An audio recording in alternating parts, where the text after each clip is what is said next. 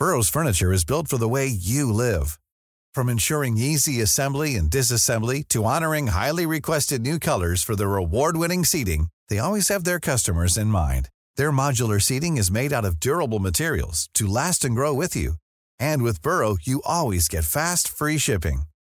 Get up to 60% off during Burrow's Memorial Day sale at burrow.com slash ACAST. That's burrow.com slash ACAST. burrow.com slash ACAST. A lot can happen in three years, like a chatbot may be your new best friend. But what won't change? Needing health insurance. United Healthcare Tri Term Medical Plans, underwritten by Golden Rule Insurance Company, offer flexible, budget friendly coverage that lasts nearly three years in some states. Learn more at uh1.com. Since 2013, Bombas has donated over 100 million socks, underwear, and t shirts to those facing homelessness. If we counted those on air, this ad would last over 1,157 days. But if we counted the time it takes to make a donation possible, it would take just a few clicks. Because every time you make a purchase, Bombas donates an item to someone who needs it. Go to bombas.com slash ACAST and use code ACAST for 20% off your first purchase. That's bombas.com slash ACAST, code ACAST.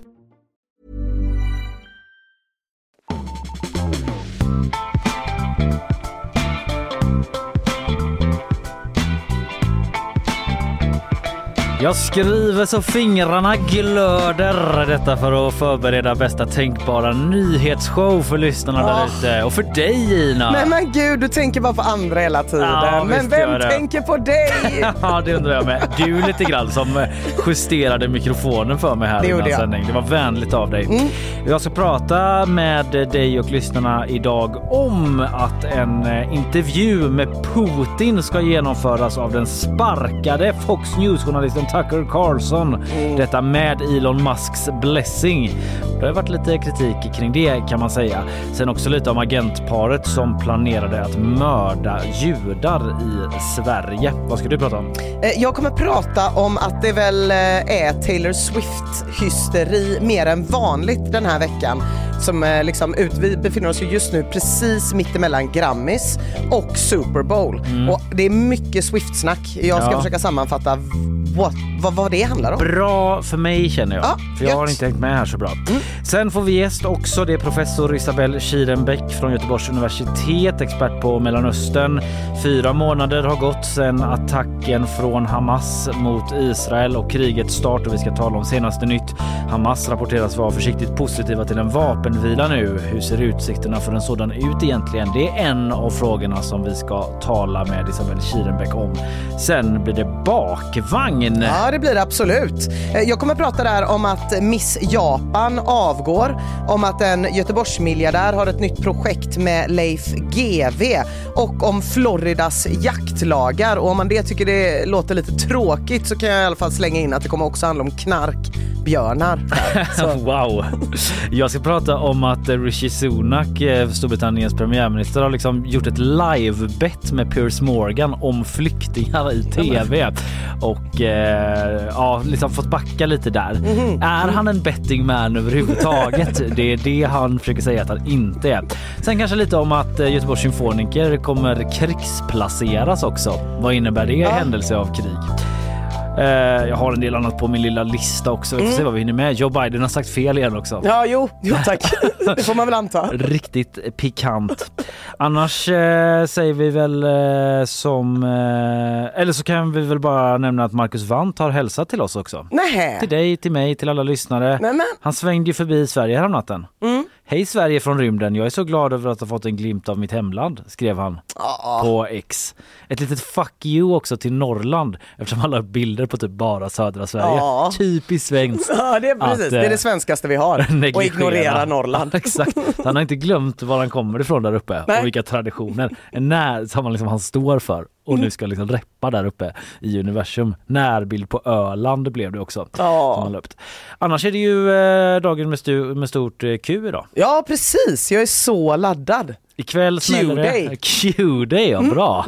Jag letade nog lite efter det i huvudet men hittade inte det. Q-day, det är quiz på skeppet ikväll. Insläpp 17.00, quizet börjar typ 18.30. Du kommer vara där, jag kommer vara där, Ah. Linnea, Isabella. Tyvärr inte Fanny, hon är sjuk. Men vi täcker upp för henne. It's gonna be amazing. Det ska vi göra och jag vill bara säga ifall det är någon som har missat det, för då, eh, dörrarna öppnar 17.00. Mm. Jag tror att sist när vi körde då var det på NEF, då var det väl kanske ungefär lika många platser. Då skulle jag säga att det kanske var fullt efter typ en halvtimme. Ja, och då är det ändå typ så hundra fler eller ännu fler intresserade på eventet den här gången. Ja precis, så att, eh, om man vill vara säker på att komma så skulle jag eh, säga att man kommer kanske lite innan 17. Ja, jag har Skulle jag fått säga, eh, som så här, ett tips. apropå frågor. På Det är världens det- konstigaste fråga, man får jätteofta den. Jag vill bara säga till alla, skicka inte frågan när behöver jag vara där? Nej. För det betyder att Kalle Berg skulle behöva veta exakt hur alla människor som kan tänkas gå på Ja. nyhetsshowen tänker. Typ kanske stä- sammanställa någon sån forskningsrapport Ja, om överensstämmelsen mellan att vara intresserad på Facebook Det och faktiskt har dyka ju upp. varit ett lokalt covid-utbrott i Landala och där har vi 27 lyssnare. Så med tanke på det så behöver det nog inte.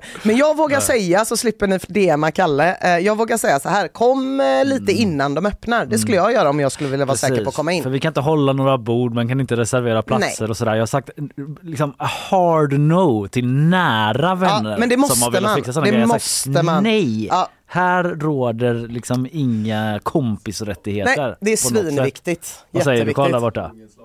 Här råder Djungelns lag. Djungelns lag, dagen med stort Q. Kom i tid och eh, kom in. Det kommer bli svintrevligt. Det Jag är kom- så laddad. Det kommer bli nice. Förra gången på NEF så hade vi någon sorts tagline. Jag upptäckte det när jag gick igenom mitt gamla manus från Ja. förra gången som var hashtag eh, nyklippt för NEF. Ah! För att jag hade precis klippt mig och det var ju några när vi kom dit som faktiskt var nyklippta för NEF som hade varit på salongen. Vad nice. Eh, Den här gången är jag inte det men jag har lite skäggstubb. Det har Så du. den är lite exkluderande kanske men skäggstubb för skeppet tänker jag. Skäggstubb för skeppet. Eller bara skägg för skeppet. Skägg för skeppet. Det känns lite taskigt att lansera det samma dag.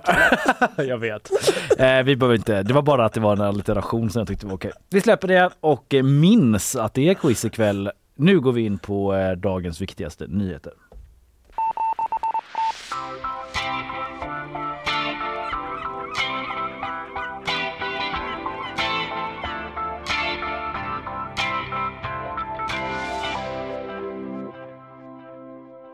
Tänkte vi ska börja med lite agentnytt Ina. Igår eh, breakade Sveriges Radio Ekot att ett iranskt agentpar misstänks ha planerat mord på svenska judar i Sverige. Det här under 2021. Just det ja. Det är ju hårresande uppgifter. Ja verkligen.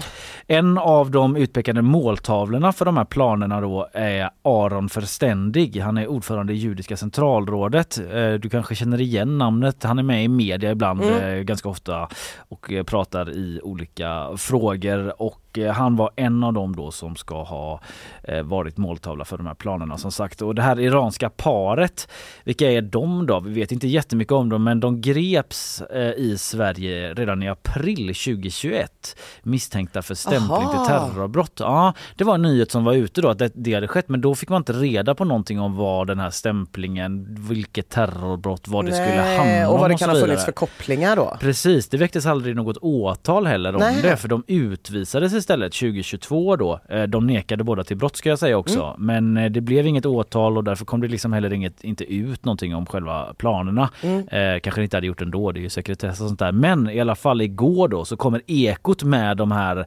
uppgifterna då att det enligt källor till dem handlar om att den här Aron Förständig och två andra utpekade svenska judar fanns i planerna på att begå mord då från de här agenterna. Väldigt obehagligt säger Aron Förständig till radion. Det är liksom en mordplan. En annan stat håller på att ge sig på en svensk medborgare så det gör mig också förbannad, säger han.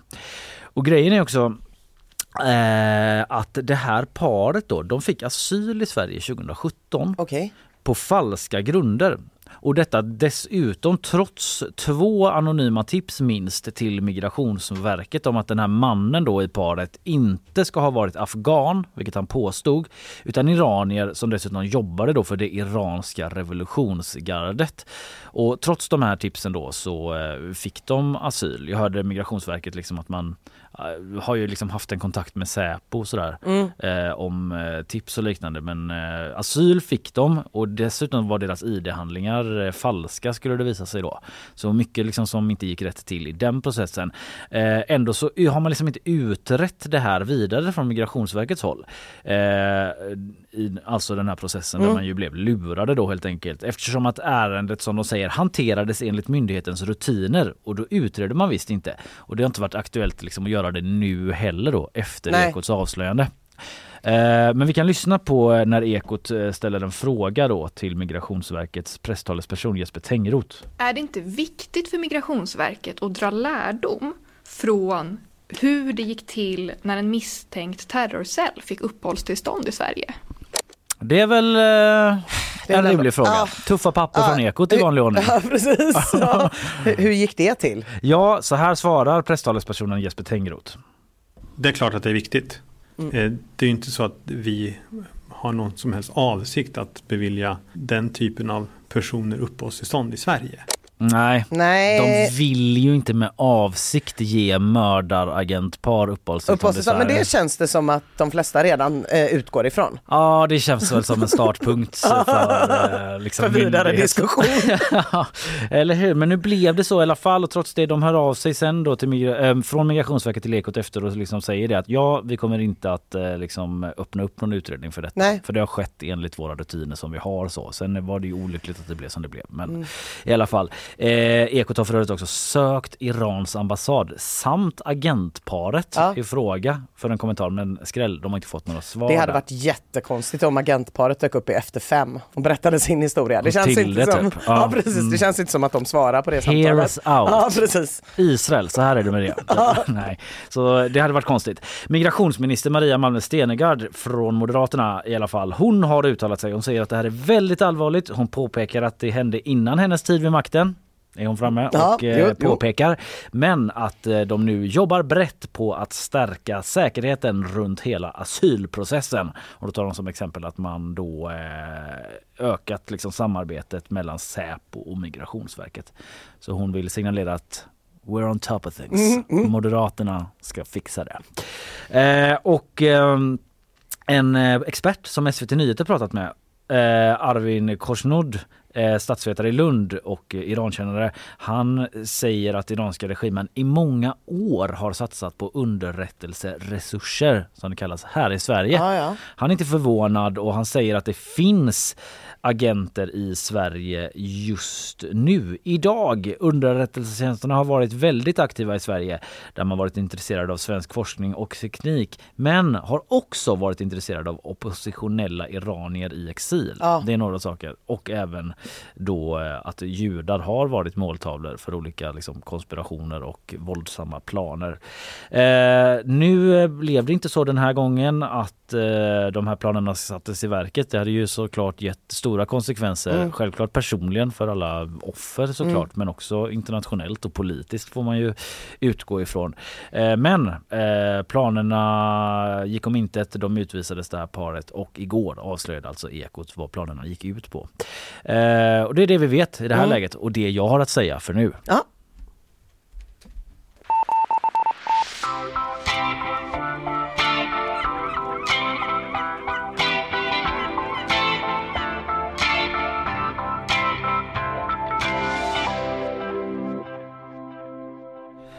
Ja, snart blir det Swifts eh, vecka. Ja, ja. Stora Swift-veckan. Ja, det är ju liksom Super Bowl eh, kröner väl den veckan lite grann va? Så blir det nog. Dags för det snart. Men det som är det, det är dags för nu, det är ju nyhetssvepet. Och Isabella, du eh, innan vi ger oss in på det, du har ju också en liten, eh, du har ju också planerat lite inför quizen ikväll. Ja, jag tänkte. Ja, du behöver inte avslöja vad det är. Jag tänkte att jag skulle bjuda på någonting i alla fall. Du kommer bjuda på någonting och det kommer vara liksom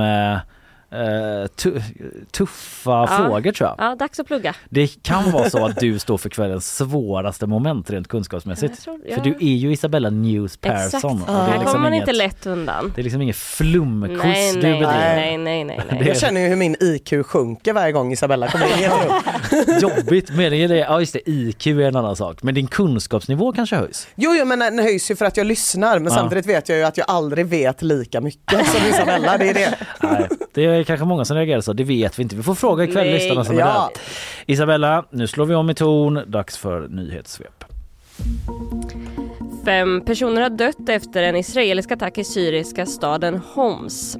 Bland de döda ska tre personer vara civila, det uppger det brittiskbaserade syriska människorättsobservatoriet SOHR för AFP. Israel ska ha genomfört luftangrepp mot flera platser runt staden och det ska även finnas flera skadade. Det är uppgifter som kommer från Syriens försvarsdepartement. Och på syrisk tv ska bilder ha visats från räddningsinsatsen där man bland annat kunnat se räddningspersonal runt ett kollapsat hus. En anställd som jobbar bakom kulisserna vid inspelningen av den nya Marvel-serien Wonder Man ska ha omkommit i en arbetsplatsolycka. Detta rapporterade Hollywood Reporter. Olyckan ska ha inträffat inne i en studio där den anställde föll ner från en takbalk. Marvel har i ett uttalande sänt sina djupaste kondolenser till familjen men säger också att man ställer sig bakom utredningen om hur detta kunde ske.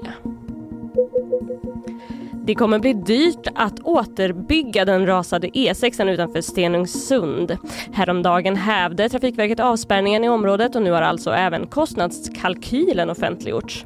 Om man räknar då med både det arbete som gjorts för att leda om vägen samt då såklart att bygga upp den igen så beräknar man att det kommer landa på omkring 1 till 1,2 miljarder kronor. Men det finns många osäkerhetsfaktorer som gör det svårt att sätta en exakt prognos. Samma gäller även för datumet då vägen kan öppnas. Trafikverket har till GP sagt att vägen kan öppnas runt tidig höst men man sätter även här ett tidsspann och säger att det kan dröja till årsskiftet 2024-2025.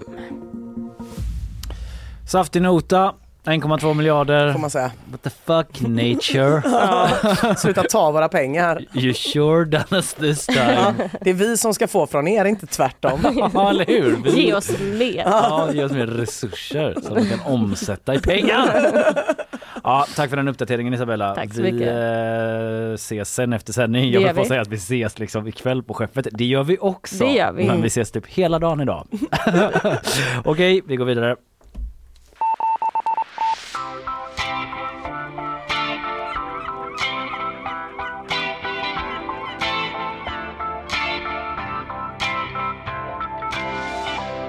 Ja, det är verkligen Taylor Swifts vecka får man säga. Det har ju kanske varit hennes år 2023 också. Men eh, nu är det speciellt. Alltså, för i söndag så var det ju Grammisarna då. Ja. Och då vann Swift årets album för sin skiva Midnights. Och i och med det så blev hon den allra första artisten någonsin som har vunnit årets album på Grammis fyra gånger. Rekord. Ja, rekord. Var Ulf Kristersson där? Eh, För att ta emot priset på Taylor Swift som hennes största fan. som hennes största fan var han inte där. Nej. Eh, idag så har hon årspremiär för sin turné som har sålt liksom sinnessjuka mängder biljetter. eh, det är i Tokyo och hon har spelningar nu då onsdag till lördag. Men på söndag det är då det händer för då spelar hennes pojkvän Travis Kells i Super Bowl Ja. med sitt lag Kansas City Chiefs. Just det, det här har ju varit lite omtalat. Det har det varit för att bland alla de här grejerna då så är det ju det sista som det pratas mest om Ja. bland Swift-fansen, Swiftisarna som de också kallas. Men också bland alla de som hatar Taylor Swift. Och varför just det här har pratats om så mycket, det ska vi reda ut idag då. Super Bowl, det vet ju du, det vet kanske alla som lyssnar också, finalen av eh, fotbollsligan NFL. Ett av de absolut största sportevenemangen i USA Vi varje snackar år. amerikansk fotboll här. Vi snackar Amerika. soccer. Inte soccer, vi snackar Amerika, fotboll. Ja. Stort Som bland... spelas med händerna. Det är det som är så knäppt. Det är svinkonstigt. Mm, Eh, och det är ju ett sjukt stort sportevenemang såklart. Men det är också jättemycket så mat som lagas till Mm. och sjukt mycket ett populärkulturellt evenemang. Ja. För halvtidsshowen där, den kan ju gå till historien. Det är så prestigefullt liksom. Det är väl typ världens mest sedda liksom, musikframträdande varje år. Ja det kan jag verkligen tänka jag mig. har inte hårda data på det. Men Nej, jag, typ men jag kan verkligen tänka Ja. mig det. För att liksom alla har ju gjort det här. Madonna, Mm. Rolling Stones, Diana Ross, Bruce Springsteen, alla har gjort det. Alltså bara om man tänker så här, nej det är väl inget, inte så många som bryr sig om det. Då kan man säga så här, okej, för 20 år sedan, det är 20-årsjubileum i år Mm. för Nippelgate. Och det tror jag ändå väldigt många kommer ihåg. Det var alltså när Justin Timberlake exponerade Janet Jacksons ena patte gråter mitt under en pågående show Ja. och sen skyllde på wardrobe malfunction. Och det faktum att liksom Janet Jacksons karriär fortfarande inte riktigt har återhämtat sig, det är ändå något slags tecken på hur jävla stort Super Bowl är. Ja. Kanske också ett tecken på lite hur patriarkatet funkar, att hennes karriär inte riktigt Ja. återhämtade sig. Kan man Eh, säga. Jag ska kanske- skylla på ikväll om någon säger att eh, om jag ser lite sjavig ut, att jag har en wardrobe malfunction. Wardrobe malfunction gör det. Varje Ja. dag man Om någon ifrågasätter det där skägget. It's a wardrobe It's a wardrobe malfunction. malfunction. Jag skulle haft en scarf över det egentligen. Ja. Men nu på söndag, då är det ju Usher som får äran att underhålla i Se halvtid. där, ja. se där ja. Men ingen bryr sig om det. Både bollen och showen är i skym skymundan för frågan som alla ställer sig är inte vilka som vinner matchen eller om Usher kommer visa patten utan kommer Taylor Swift vara i publiken? Eh, och det är alltså inte ett framträdande, jag vill verkligen understryka det. Nej, det är nej. inte det vi pratar om. utan privat. kommer Taylor Swift sätta sig på ett flyg, flygplan efter sin show i Japan på lördagen, flyga till Las Vegas, se sin pojkvän spela. Mm. Eh, första frågan alla ställde sig var förstås, är det ens fysiskt möjligt för henne att hinna? Ja. Ja, då har ju såklart Associated Press gjort en analys Satt häromdagen. liksom ett, några av världens främsta matematiker på det här. För att räkna ut Ni kommer inte ut ur det här rummet Nej, förrän ni har ett gjort svar det. på frågan. Eller hur? eh, och, och, och de har kommit fram till att hon hinner att, om hon flyger med sin privatjet. Ah, okej. Så de har Mm. räknat ut det. Ja, Då. väl jag eh, till, litar antar jag. 100% på Mm, dem. Det är ju omöjligt det här med tidszoner. Och Ja, det precis. avsnittet av West Wing när de inte förstår hur tidszoner funkar. Det är världens bästa tv-serie Ja. någonsin. Det är också mitt liv varje dag. Att Ja. jag inte förstår hur det funkar. Nej, det är helt omöjligt. Matematikerna kommer ut så här, det är möjligt. Har ni tänkt på det här med tidszonerna? Tillbaka till Ja, ritbordet! exakt! Det har ju varit så. Vi har räknat ut att det går och sen bara, nej det är, man ställer fram, inte tillbaka klockan. Ja. I alla fall, det är så jävla mycket surr om det här. Bettingsajterna har plockat upp det. Man kan inte bara satsa pengar på om hon kommer eller inte, utan om hon kommer gråta, om Kansas City förlorar, vilken färg hon kommer ha på läppstiftet och, kanske viktigast av allt, kommer Kelsey fria till Taylor Swift? Aha, ja. Det är väldigt många som hoppas på det för de är ju det perfekta all American paret. Mm. Hon den superpopulära coola tjejen som sjunger och dansar, han den hunkiga jocken med Mm. ett gott hjärta. Är han QB, quarterback? Jag liksom? vet inte, Nej. det. Var, var, varför vet jag inte det? Nej säger Nej. Isabella, jag kollade på Isabella. Kvinnan med svar. Ja. Eh, nej det är han, in, det är han inte, det Nej. visste jag med. Eh, Liten plump i All American-protokollet. Ja, men verkligen. Men ändå. Ändå. Ja. Du fattar ju. Många Eh, boxare Det är så kryssade. jävla collegefilm eller ett avsnitt av Glee eller bara den amerikanska drömmen. Och om det blir så då, Mm. Swift lyckas ta sig till matchen i tid och om Kelseys Kansas City Chiefs vinner matchen, då är det liksom den perfekta sagan. Ja. Om han dessutom friar, då kommer ju liksom ingen Super Bowl någonsin kunna mäta sig med årets Super Bowl. Det Nej. kommer bli för jävla Hela bra. artisteliten står med flashade pattar. Nipples va? Kolla på oss Och va? alla tjejerna blir cancellade. Ja, det är ingen grej. Det kan inte slå Taylor. Nej, det kan inte slå Taylor. Det kan aldrig slå Taylor. Nej, det är för bra. Det kanske till och med är för bra för att vara sant. Det är det ganska många som tror. eh, tyckare från MAGA-högern då, Make America Great Again-högern, a.k.a. Trump-högern. Eh, inte alla då, men ni fattar. Bland de här florerade sedan en tid eh, tillbaka en teori om att paret Taylor och Travis, även kallade TNT, eh, är en så kallad psyop, alltså en påverkanskampanj. Från the deep state. Från eller? the deep state. Den här teorin, eller vad man nu ska kalla det, började med konspirationsteoretiker på X, men fick extra fart i januari när Jesse Waters, en nyhetskommentator på vilken nyhetskanal tror du då, Kalle? Ja, Fox Ja, kanske. på Fox. Då tog han upp den i sändning. Och han eh, förde till bevis eh, att ett eh, klipp från en NATO-konferens 2019 som han spelade upp då. Aha. Och i klippet ser man en föreläsare använda Taylor Swift som ett exempel på en influencer som skulle kunna användas för att påverka människor. okej. Eh, Och enligt eh, Waters då på Fox så jobbar den här föreläsaren på Pentagons PSYOP-grupp. Eh, Men för oss som inte tror på konspirationsteorier så jobbar hon på John Hopkins University då. Pentagon, de tog väldigt lätt på de här anklagelserna. De bara, men vad är det för trams? De svarade med lite olika ordvitsar, lite olika Swift-citat, var lite så, det Ah, där är nedanför oss. Ja, liksom. precis. Ja. För liksom kollar man hela föreläsningen som ligger på Youtube, då är det ganska tydligt. Väldigt, det här är ett väldigt hypotetiskt scenario som, Ja. som den här eh, forskaren pratar om. Men det hjälper ju inte när ryktet väl är är igång liksom. Nej. Och det blir ju inte mindre misstänkt när Kansas City Chiefs hade en rätt skakig start på säsongen. Aha. Riktigt Så att psyopen eh, går också ut på att eh, liksom typ CIA har gjort Kansas City Chiefs jättebra på fotboll Precis. också. För Det nu- har kommit en agent och Det bara så här, kommit en we're gonna agent." practice so motherfucking hard. Exakt, exakt. you won't even know. Exakt så. Eh, för nu är de ju plötsligt i Super Bowl. Varför skulle CIA vara bättre än vanlig tränare Ja, det är jättekonstigt. på att träna dem i amerikansk fotboll? Ja, det är jättekonstigt. Alla kan väl ändå säga det, when you go out there I want you to vision. Alltså det är ju exakt samma sak. Att de skulle gjort upp matcher då på något sätt. Mm, NFL är riggat, säger ju då Ja. ultrahögern. Eh, jag har funderat lite på det där med tanke på att eh, det ändå är ganska många som säger det. Varför satsar de då inte pengar på dem? Ja, på det. Kansas City Chiefs. Om de ändå vet att det är alltså olika Pentagon, Deep State-grejer som styr NFL. Ja, just det, att de själva hade kunnat Ja, göra varför det. kan inte Ja, om de magahögen nu gå ut så och bara så här, om de är så jävla säkra, Ja. bara satsa alla pengar de har på Kansas City Chiefs.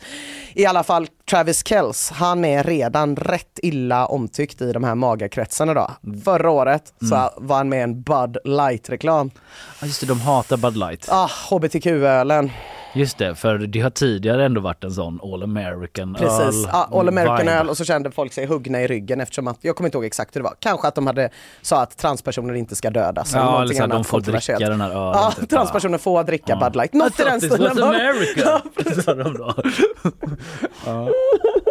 Åh gud. Och det är Ja. ett sidospår. Men eh, We Are The World-dokumentären på Netflix, utmärkt. Alla tittar på den. Uh, uh, förlåt. Har den bara... med det att göra? Nej, bara apropå This Isn't America. Ja, ja, eh, Mm. Stevie Wonder börjar sjunga på swahili och då säger Waylon Jennings Good all American boys don't sing swahili. Stormar ut ur studion. Det är ett starkt moment. I alla fall! Ja. Förutom att göra Bud Light-reklam så har Travis Kells synts i en reklam för Pfizers covid-vaccin. Det gillar de inte heller med. Taylor. Swift backade Joe Biden i valet 2020. Just det. Så de flesta de ser ju så här, åh kolla amerikansk kärlek, cheerleadern, kär i fotbollsspelaren, prom king, prom queen. Magahögen ser liksom Biden-älskande påverkansagent Mm. blir ihop med vaccinkramande fotbollsfuskare som dricker bögöl. Det är vad Ja, de ser liksom. Och i deras ögon så är det här det minst amerikanska man kan tänka sig. Så det är ju upplagt för konflikt. Ja. Och då kommer vi ju till att det är för fan valår också. Ja. Och det gör ju inte hela situationen mindre tillspetsad. Det är inte direkt någon hemlighet att Biden gärna vill ha Swifts stöd i år Nej. igen. Eh, hittills har han inte gett sitt stöd till någon, men eh, anledningen att Biden är så mån om det här stödet kan man ändå förstå när man kollar lite på vad som hände förra året. Då postade Taylor Swift en uppmaning till sina följare på Instagram om att registrera sig för att kunna rösta länk till en partipolitiskt eh, obunden organisation, vote.org. Eh, och i timmarna efter såg vote.org då en ökning på 1200 procent i besökantal. Okej, shit. 35 000 nya, eh, nya registreringar. Och det är klart, det är ju inte jättemånga av Taylor Swifts 272 miljoner följare, men det är ändå Nej. tillräckligt för att skrämma högen. Och förra veckan så lät eh, Newsweek göra en undersökning på 1500 personer ska sägas då, som visade att 18 procent av de tillfrågade skulle vara mer benägna att rösta på en kandidat som Taylor Swift öppet har ställt sig bakom. Det har ju också varit jäkligt tight i presidentvalen några det. gånger att det har avgjorts på väldigt få röster. Precis. menar, every vote counts verkligen. Every vote counts. Om man Särskilt då de kan... unga rösterna. Ja, om man då kan langa in så många röster som Taylor Swift kan göra. Ja, så, mm. ja. Och hennes fans då, Swiftisarna, ses kanske många av många som liksom något ganska gulligt gäng som peppar varandra och byter hemmagjorda pärlarmband. Magahögen ser ju Mm. dem då som en drönararmé med siktet inställt på Donald Trump. Mm. Eh, och hela den armén, säkert många av oss andra, kommer sitta framför tvn på söndag och se, kommer Taylor Swift dyka upp? Mm. Jag tänker så här, hon borde ju komma för att det liksom är för bra för att missa Mm. på något sätt. Men det finns en grej som får mig att tvivla lite och det är att Joe Biden för andra året i rad har tackat nej till att bli intervjuad före Super Bowl. Och det är lite så här, har blivit en tradition på senare år att den sittande presidenten gör det. Aha, okej. Och med tanke på hur otroligt jävla översugen Biden är på att kopplas ihop med Taylor Swift så tänker jag att han vet något som vi inte vet. För han hade fan aldrig tackat nej Nej. Om han visste att det kunde bli ett photo opportunity med Taylor Swift. Nej det hade han nog inte. Dock tänker jag typ att hans team gärna ser att han inte exponeras i för bra tv-tid. Typ. Ja, för jo, att han säger sant. så mycket konstiga saker nu. Kan, vi ska prata om det sen men att han sant. sa typ fel om Macron och så om Mitterrand Ja. att, och det var Tyskland. Alltså så här blanda ihop jättemycket. Fast jag hör ändå vad du säger. Ja. Om, om det ändå var typ en förberedande intervju och han hade chansen att typ sitta bredvid Taylor Swift så måste ju det ändå slå Nej men eller hur? ut de eller hur? farhågorna. Ja. Det kan ju vara så i alla fall. Alltså det skulle i alla fall tala för att hon inte kommer. Mm. det, det, man kan ju också tänka att eh, om hon inte kommer så, så, eller att Biden inte resonerar så här, det är också ett tecken på att kanske det här, det är inte så jättetäta band mellan PSYOP paret TNT Nej. och det demokratiska partiet som magahögern tror. Nej. Och det är väl i alla fall härligt att få svar på. Men de är ändå så då att de menar att eh, all, det här vet kanske inte du, men att de menar att allt är en psyop. Typ så här hela Taylor Swifts framgång också, Mm. Ja, ja, ja. typ så här Ja. hela grejen. Ja, uppblåsta siffror och att man blir eh, insläppt i olika sammanhang och hypad. Liksom. Att. Ja. precis, hela hennes framgång och allting är en psyop. Eh, och jag menar, kan man rigga hela NFL? Vad kan man inte rigga då?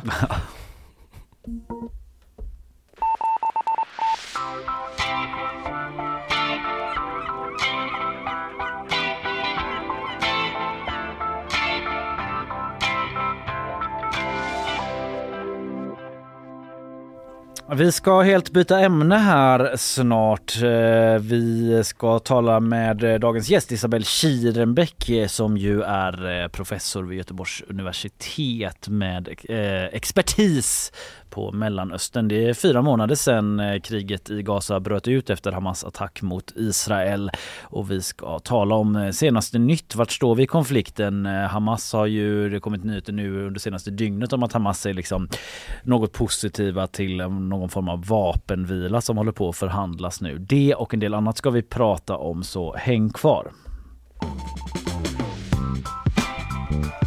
Nyhetsshowen onsdag 7 februari. Ina Kalle sänder idag i, och idag så är det fyra månader sedan Hamas attack mot Israel och starten på den blodiga konflikten i Gaza där tusentals människor har dött och många fler har tvingats att fly. Med oss nu för att prata om det senaste kring konflikten har vi då professor Isabelle Kirenbäck, eh, expert på Mellanöstern och professor som sagt vid Göteborgs universitet. Välkommen och god morgon Isabelle. God morgon, tack så mycket. Välkommen. Tack. Som jag nämnde då, fyra månader har gått nu sedan eh, detta blossade upp eh, under senaste dygnet här och natten så har det skrivits i medier om att Hamas är positiva till ett förslag om en tillfällig vapenvila. Eh, har vi kommit närmare någon slags eh, lösning på den mest brinnande konflikten eller hur ser du på det? Inte en lösning på konflikten men eh, det har ju varit intensiva förhandlingar nu eh, för, för att få till stånd en andra vapenvila och en av stöttestenarna är det, det finns ju många stöttestenar i det, men en av dem handlar om att eh, Israel inte vill ha en permanent vapenvila utan eh, vill ha en vapenvila och sen fortsätta kriget.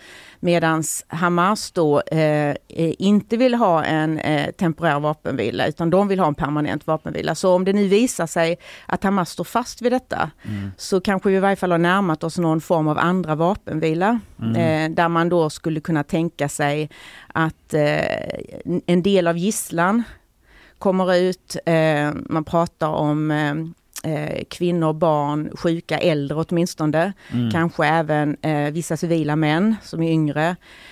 Palestinska fångar kommer att släppas i så fall från israeliska fängelser och sen så skulle man kunna se en eh, större humanitära eh, insatser då. Att den här hjälpen kanske kommer fram lite enklare om det finns ett uppehåll i kriget då. Så det är väl det man skulle kunna tänka sig i så fall. Men det här att Israel eh, inte vill ha en permanent vapenvila, det handlar om att man fortfarande har det här målet om att utplåna Hamas eller varför motsäger man sig det? Ja precis, Israel har satt upp tre mål eh, och det är ju att få loss gisslan, få ut gisslan, all gisslan, även eh, kroppar av döda soldater och så vidare som togs med in i Gaza. Eh, och sen vill man då slå ut Hamas ledarskap och infrastruktur. Och sen vill man det tredje målet man satte upp efter några veckor senare efter krigsutbrottet handlar om att man vill inte att i framtiden, man formulerar det som att man i framtiden inte vill att ingen regim i Gaza ska kunna hota Israel.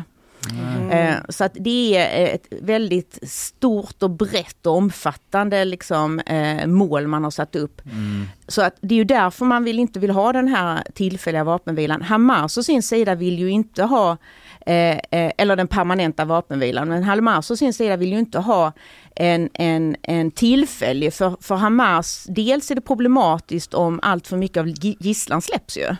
Ja, då för tappar de sitt, de tappar de sitt skydd också, ja. alltså på många sätt. Mm. Och, och sen är det ju väldigt viktigt för dem att de eh, kan vara kvar vid makten och sitta kvar i Gaza. Och det är att ju längre kriget fortgår ju, ju, ju mindre är den möjligheten eller chansen att de gör det. För att de har liksom så få av sina ledare kvar eller för att de blir impopulära? Eller? Både och, men framförallt för att israelerna går så hårt fram och de har ju satt upp på sin, sitt mål då att man vill komma åt ledarskapet mm. och, och, ta dem helt enkelt. Mm. Så här är många frågor kopplade till det här med en permanent eller tillfällig vapenvila på båda sidorna då. Men, men hur väl har, av de här tre målen, hur väl har Israel lyckats hittills? Ja, man, när det gäller gisslan så är det ju 130-132 kvar. Nu kom det igår uppgifter om att 30 av dessa är döda och eh, det israeliska försvaret har, har eh, gått ut med det också, börjat kontakta anhöriga. Så det betyder väl att om det stämmer då så betyder det att ungefär 100 stycken är kvar. Mm.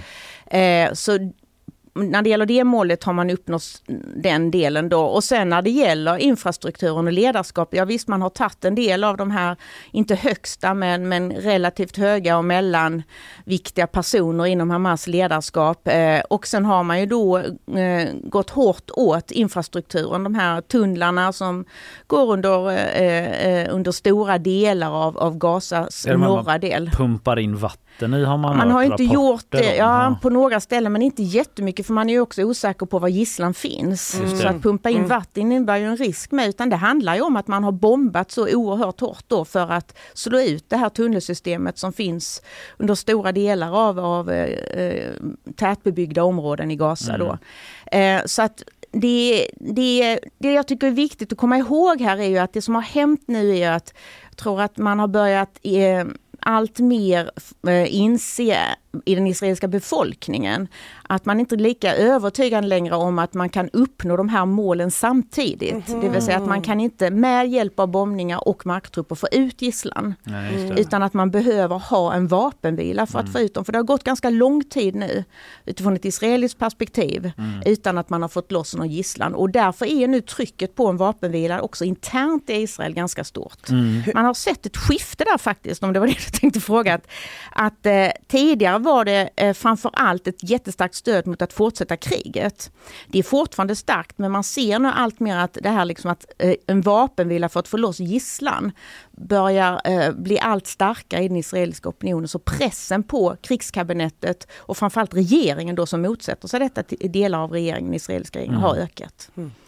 Jag tänker, eh, vi talar mycket om eh, Hamas nu och Israels liksom, regering och militära framfart. Eh, vi kommer komma in lite på den humanitära situationen också självklart. Men om vi stannar kvar lite längre vid Hamas, alltså vad gör de i det här läget? Vad är deras strategi, liksom deras status? De fortsätter ju med raketbeskjutningar mot Israel.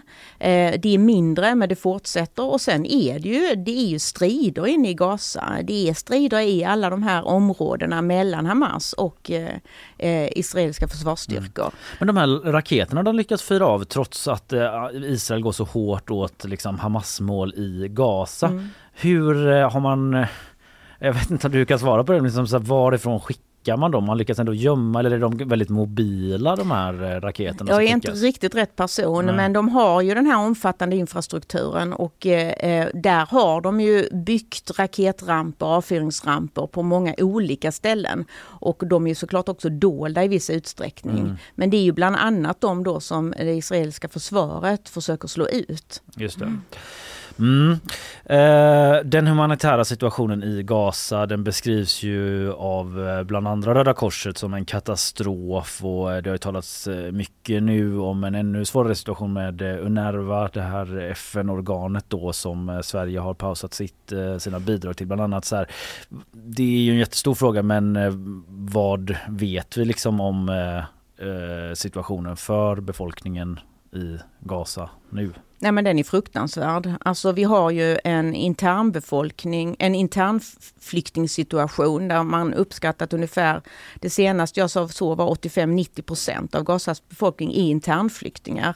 Och eh, de är framförallt i de centrala men södra delarna framförallt av Gaza. De har pressats neråt liksom? Ja, det kan man säga för att i, i samband med Israel började ju mot norra Gaza och sen har man då uppmanat befolkningen då att fly mm. från de här områdena man närmar sig och de har ju också naturligtvis flyttat sig själv. Så att, eh, så, och nu är de centrala delarna och nu har eh, civilbefolkningen flyttat, eh, flytt från, från centrala Eh, delarna och många palestinier har ju vid det här laget flytt många gånger, mm. alltså brutit upp flera gånger. Så det är ju en, en, en del av situationen. Den andra är ju att eh, det är kallt nu, det är vinter, eh, det finns risk för smittsamma sjukdomar mm. och mattillgången, eh, vattentillgång och så vidare, är, är, det är oerhört svårt helt mm. enkelt. Så att om man jämför också med den hjälpen som kom in innan kriget, för Gaza har ju alltid, Gaza civilbefolkning har ju alltid varit beroende av hjälp, så är det ju mycket färre nu. Mm. Och då ska man tänka sig att det dessutom då är en befolkning som är på flykt. Mm. Så att det är, eh, många vittnar om att det är fruktansvärda eh, Ja, man har ju hört rapporter situation. om mm. liksom mm. kejsarsnitt utan yep. bedövning, mm. barn som mm. amputerar mm. kroppsdelar också liksom utomhus i märkliga miljöer. Eller liksom ja, men det är ju också för situation. att sjukhus och så vidare, det är väldigt få fungerande sjukhus kvar och så vidare. Så att, men Israel är liksom benhårda i sin linje att man eller hur, hur, motiverar man det här? Hur ställer man sig till när folk påpekar att så här, den här situationen pågår för civilbefolkningen? Mm. Vad säger typ Netanyahu om det? Ja, Netanyahus och regeringens bild, israeliska regeringens bild är ju att om vi inte blir av med Hamas nu mm. så kommer det gå 10-15 år och sen kommer de att beväpnade med ännu bättre vapen och ännu mer väl förberedda och ännu mer stöttade av Iran och då vet vi inte vad som händer. Så det är liksom den bilden som finns i Israel att man måste göra sig av med Hamas. Och, mm. och den andra saken man hela tiden upprepar då är ju det här att Hamas använder sig av civilbefolkningen som beskydd.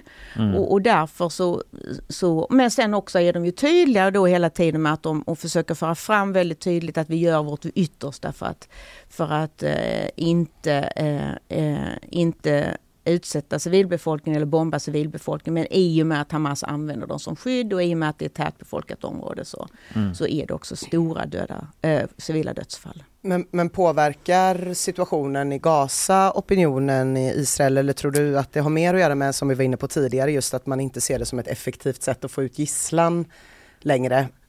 Alltså tidigare har vi ju sett att både antalet soldater som dör, alltså i tidiga konflikter när man har varit inne i marktrupper just, så har vi sett att eh, antalet soldater som dör, och det är överlag så israeliska krig, då vänder opinionen efter ett tag. Mm, mm. Eh, och även i viss utsträckning hur stor del av civilbefolkningen, palestinsk civilbefolkning och så vidare som, som dör.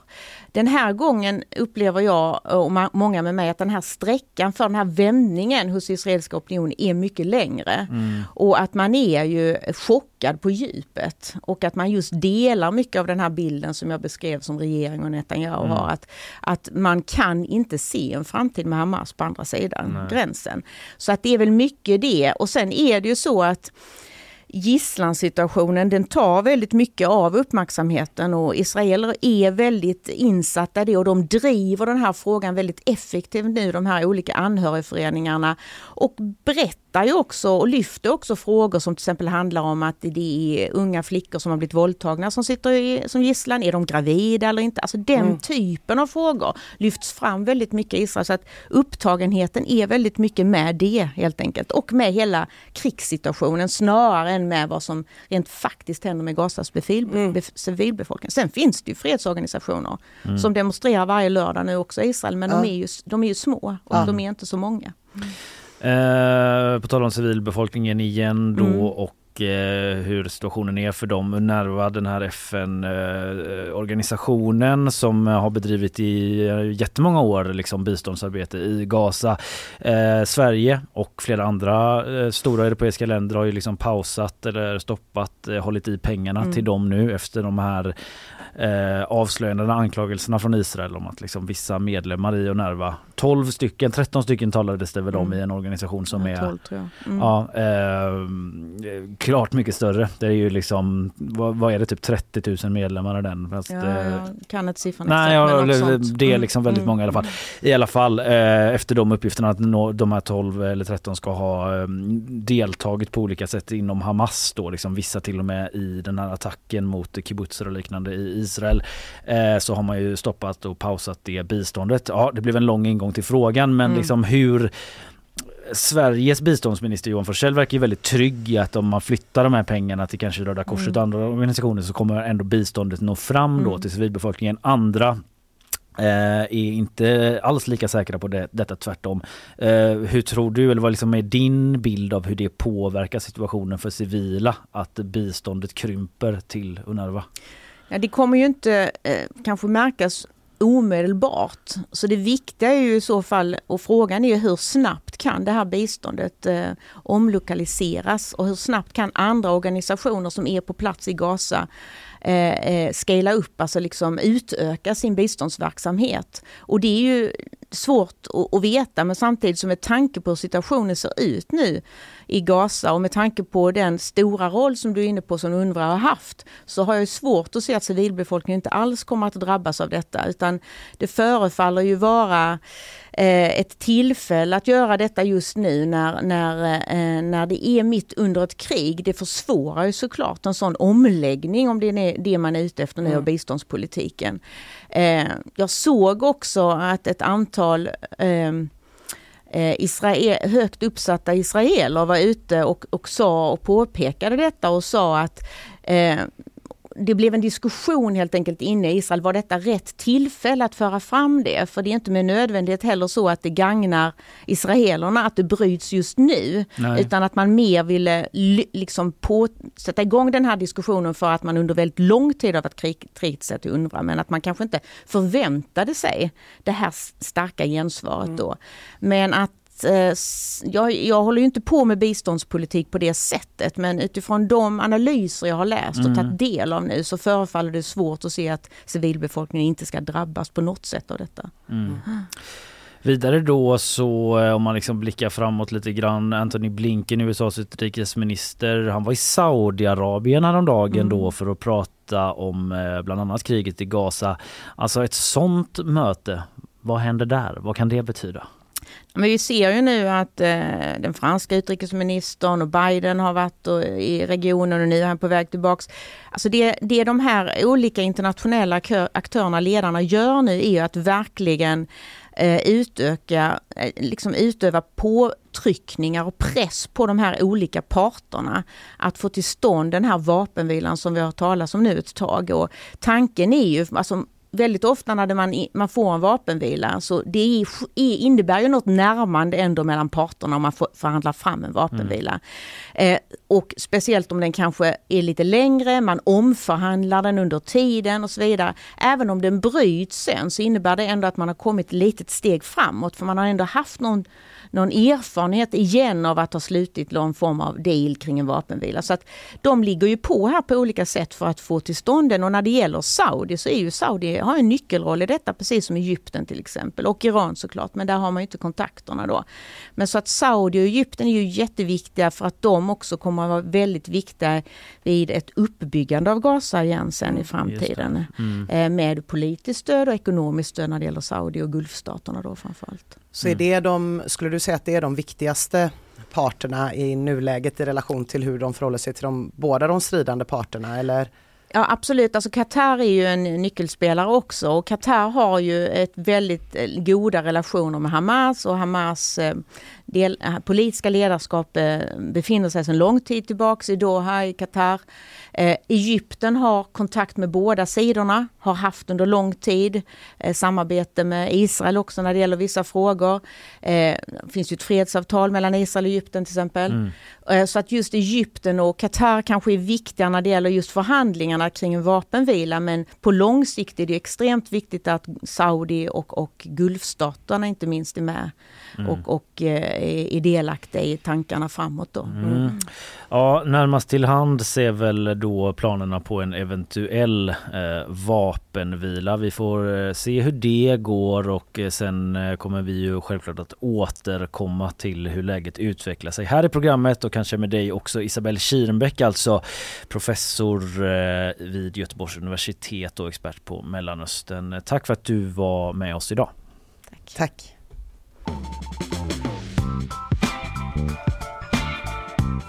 En liten eh, klunk kaffe och en eh, ny eh, snus undrar vi oss väl eh, innan vi byter ämne då här i nyhetsshowen. Vi kan påminna om att det är quiz ikväll på det Skeppet. Det är quiz! Du kommer vara där, jag kommer vara ja. där.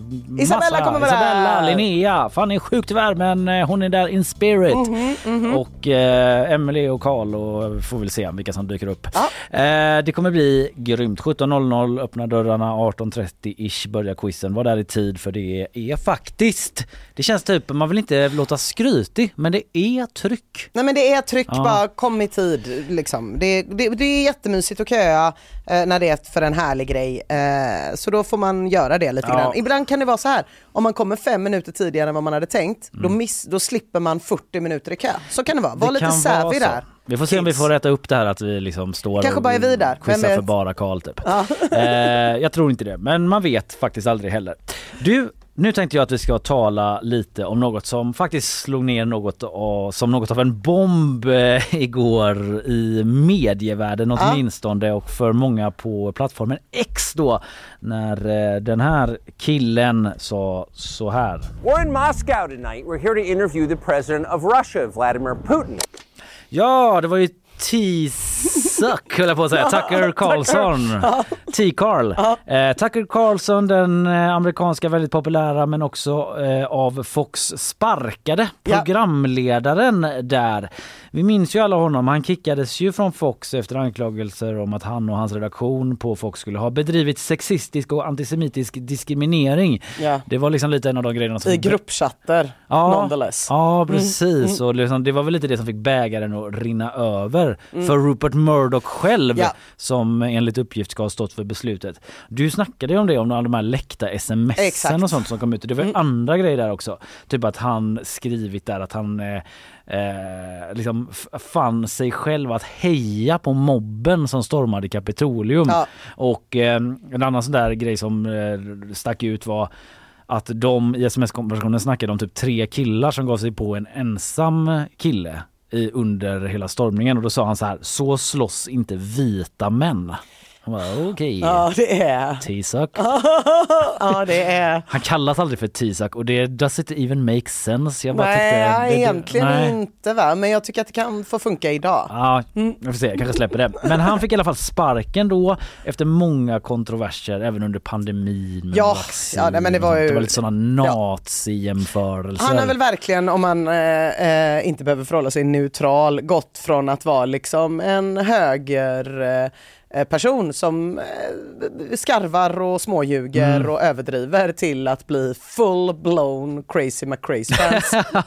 ja men lite så, nu är han i alla fall ute och kör sin egen show då mm. på X och på sin egen hemsida och sådär. Rogue Agent i alltså medielandskapet. Jag hatar att alla de här bara letar upp varandra och håller på att bilda en boll. Det är ja. så obehagligt. Alltså för sån råttkung. Ja, att Elon de... är typ så, ha, haka i min svans Tucker. Ja. Ja. Nu, hade nu hade det varit så här, här jämför de eh, honom med en råtta. Det är inte det vi gör. Nej. Men, vet, Nej. Han rycker ut olika ja. citat. Så. Men i alla fall, han har varit väldigt kontroversiell i det vi mm. försöker säga och nu står han på egna ben så att säga som entreprenör på X och gör sitt program. Och då har han alltså fått till då den här intervjun med Vladimir Putin. Mm. Vad det verkar, han har inte liksom lagt ut den ännu då, Nej. men det har ryktats ett tag. Det har florerat rykten om att Tucker Carlson är på plats i Moskva var, att han synts till där. Och att man då spekulerade i att han skulle just intervjua Putin, vilket han nu då går ut med att han ska. Vi är inte här för att vi älskar Vladimir Putin utan för att vi älskar USA. Det är vad han säger. Ah. Vi ska höra om en stund lite mer om liksom hur han motiverar mm. att de mm. gör den här intervjun. För han har ju fått kritik då för att han kommer bli en megafon för Putin, en yeah. del av propagandaapparaten och så vidare. Flera framstående journalister i USA har kritiserat honom i sociala medier. Anne Applebaum som eh, är en känd amerikansk journalist som jobbar på Washington Post tror jag det bland annat liksom skriver återkommande där. Hon eh, har eh, svarat på en grej för Tucker Carlson har, har liksom varit ute och sagt att amerikanska journalister inte varit intresserade av att intervjua Pu- Putin och ge hans bild. Mm. Typ att man ger en ensidig bild och liksom Mm. skiter lite i, i det men då säger hon att eh, det är trams ungefär eh, att eh, de, han har intervjuats eh, Putin och att också massa journalister följer hans presskonferenser och sådär. Och eh, hon säger också att Tucker Carlson inte är journalist utan en propagandist med en historia av att hjälpa autokrater att dölja korruption. Ja det skriver hon på. Så hon är Ja. kritisk. Christine Amanpour, hon är typ sån foreign correspondent på Ah. CNN, verkligen högprofilerad där. Ah. Eh, hon säger också att det är typ helt absurt att påstå att man inte försökt intervjua Putin för att de varje dag sedan invasionen har försökt ligga på för att Mm. få en intervju säger hon då. Så de tycker det är trams eh, av Tucker Carlson. Eh, det är liksom verkligen sådär högdjuren på de olika kanalerna. Ja, bara känner så här, vi, vi gör en del grejer som du inte vet om. Tucker. Ja, så känner de. Det är Ja. ändå störigt att någon kommer in och bara, varför gör ingen gjort det här? Vad vi har försökt. Ingen gör något. At least I'm doing something. Jävla störigt. Jag är här på fältet. Eh, grejen är ju då också som många lyfter att eh, Tucker Carlson flera gånger tidigare typ ifrågasatt varför Ukraina, USA stöttar Ukraina överhuvudtaget och eh, pratat om att eh, liksom både Ukraina och Ryssland är foreign countries utländska länder. Ja. Men det är sånt de säger i Ja USA. men det är typiskt USA, Ja. bara förklara det. Att, Låter konstigt när man översätter det. när men- man säger country brukar man alltid mena USA. När man Ja. pratar om länder brukar man alltid, så det är väldigt viktigt att göra den distinktionen. Foreign countries. Utländska alltså. länder. Ja, att de inte bryr sig om USA, Ukraina och Ryssland så, här, så varför ska vi bry oss om dem Mm. och skicka massa pengar? Sådana grejer har han sagt. Folk har varit liksom lite misstänksamma mot hans inställning till kriget. Eh, och han har ju då 11,5 miljoner följare på Ja. X. Bara som en bild av att Mm. han är väldigt populär alltjämt. Liksom. Och hur många har Applebaum och de här? Ja, det har jag inte kollat, Nej. säkert färre. Jag tror att eh, han har ju fler än typ Zlatan till exempel. Just det. Eh, och det är också en känd person. Ja. Eh, men nu är han alltså i Moskva då på plats. Han la upp det här klippet där han står med Moskva i bakgrunden och pratar och han säger så här om eh, just att han är där och ska göra detta. There are risks to conducting an interview like this, obviously, so we thought about it carefully over many months. Ja, de har tänkt länge. Han har sån liksom sassy ton också. Obviously Ja, så, så, finns det arg. risker. Jag blir så arg, jag känner att jag är en Applebaum. Jag vet inte, det är Ja. någonting med typ grupparbete, någonting, någonting. Jag har aldrig varit den duktiga tjejen i ett grupparbete, men jag sitter Ja. och kollar på hennes Twitter nu, hon har 575 000 följare. Ja. Det är bara någonting med typ att så här, vikt sitt liv åt att bevaka Mm. ett land och en konflikt och så Ja. bara glider det in en kille Ja, med bara. 11 miljoner följare bara Why haven't you done this before? Of course there are risks, typ att bara Ann Applebaum bara inte varit tillräckligt ballsy Ja, för att våga fråga exakt. Putin om en Jag intervju. ringde upp, I booked an interview. Folk bara “How did you do that?”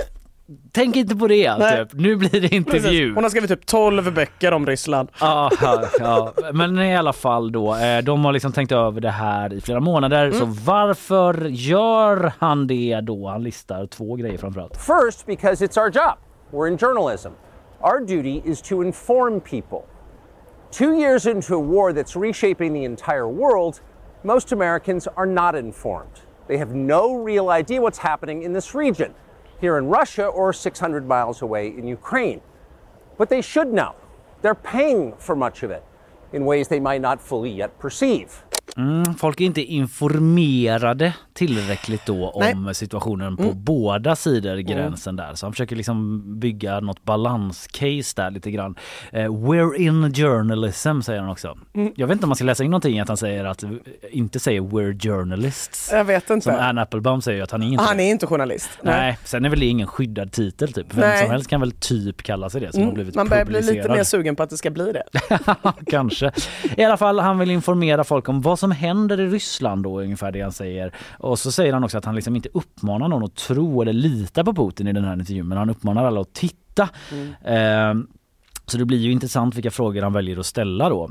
Eh, kanske snarare än vad Putin svarar. För Ja. vi vet väl ganska Ja. bra hur Putin motiverar sitt krig Ja och så. precis, ja, det är väldigt svårt att tänka mig att han säger så I never thought about that. Mm. Nej men precis och jag har liksom också sett så här presskonferenser med Putin där han, eh, en ganska känd presskonferens Mm. där han liksom drog en historisk utvikning på ganska många minuter om varför Ryssland typ har rätt till Ukraina och sådär. Eh, så vi vet ju lite i alla fall om Det hans känns typ bara sjukt att det handlar om att han inte har fått tillräckligt hårda frågor och därför Mm. fortsätter han invadera Ukraina. Precis som min bästa fråga, motfråga som alltid är så här, då hade det varit så här. eh, well Mr President, what about the opposite? Att man bara frågar så. Har du tänkt på Ja, motsatsen? Ja. Utan att specificera Och så vad det bara börjar han prata om någonting som Ja. hände i Finland för hundra år sedan och så är det borta. Kanske, ja precis. Han, han också liksom, eh, Tucker Carlson sagt att västliga intervjuer med Zelenskyj är propaganda och så vidare. Liksom att Biden-regeringen försökt stoppa honom från att träffa Putin, hävdar han. Jag har inte sett några, liksom, han har inte lagt fram några bevis för det. Men han tackade även Elon Musk då, för att Elon Musk har eh, gått med på, typ lovat dem att sända den här intervjun på X då Mm. osensurerad. Så han är liksom en freedom of speech bro Ja. i det Den läget. tredje medlemmen i den här råttkungs... ja, kanske. Eh, och den ska sändas u- oklippt då också, säger Mm. Tucker Carlson i den här intervjun då.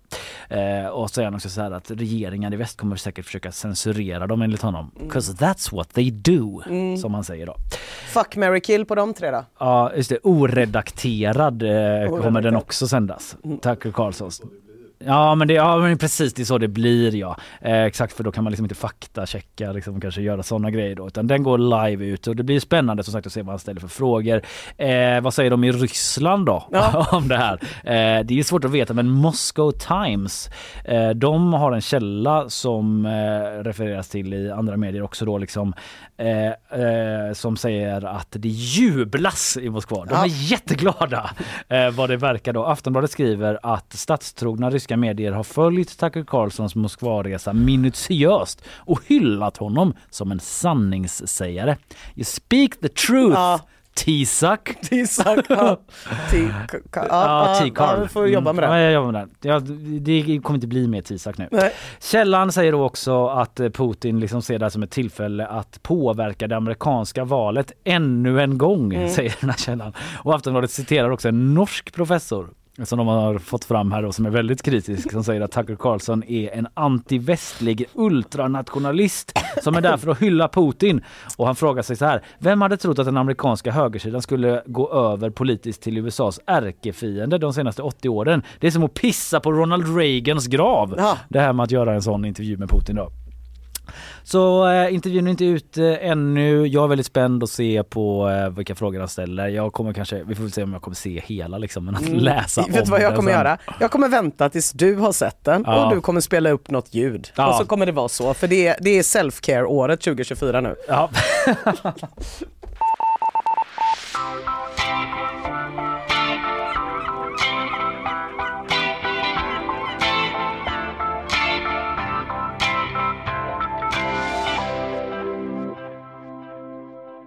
Vi är faktiskt eh, framme i bakvagnen nu. Visst är vi det. Det får jag ändå basunera ut så att folk vet så här, vad är det som pågår, vad är kontexten för de här samtalen? Exakt. Bakvagn. Bakvagnskontexten. Och vad är kontexten för vad bakvagn är? Det hittade du på vår Instagram. Där Linnea har gjort en pedagogisk sparad händelse. Därför kallar vi det bakvagn. Vad bra. Det, kan, det kanske kommer som quiz på ikväll. Quizfråga ikväll. Vem vet? Vem vet, så in och plugga på. Eh, jag skulle egentligen prata om USA också men nu är jag så jävla trött på de jävlarna så jag sticker emellan med en annan grej. Eh, Göteborgsmiljardärens nya projekt med Leif GW läser jag i GP här på morgonkvisten. Vad tror du den här rubriken handlar om, Kalle? Åh, GV, GV, GV, GV, GV. Är det något med jakt? Ska de bilda ett jägarlag? Jag kan säga att på bilden så syns GV med ett vinglas i handen. Vad tror du det är då?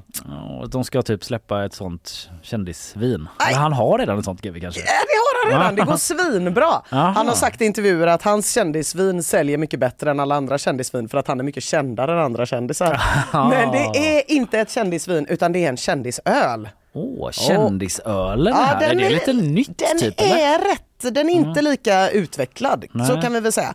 Eh, Det finns ju några kändisöl, Lasse Stefans har en. Jaha. Eh, Jag vet att Graveyard gjorde en för massa år sedan. Som Det är bandet bandet. Ja precis, som skulle kunna gå och dricka bra ljummen. Mm. Skulle vara, deras tanke var att det skulle vara Gravöl typ. f- eh, liksom en festivalanpassad öl. Ah, okej. Som skulle vara god även om man inte hade tillgång till kyl. Det passar ju bra om man är ett hårdrocksband. Ja. Eh, och sen så, eh, men det finns inte jättemånga Bäst fesljummen. Ja, bäst fesljummen, precis. Ja.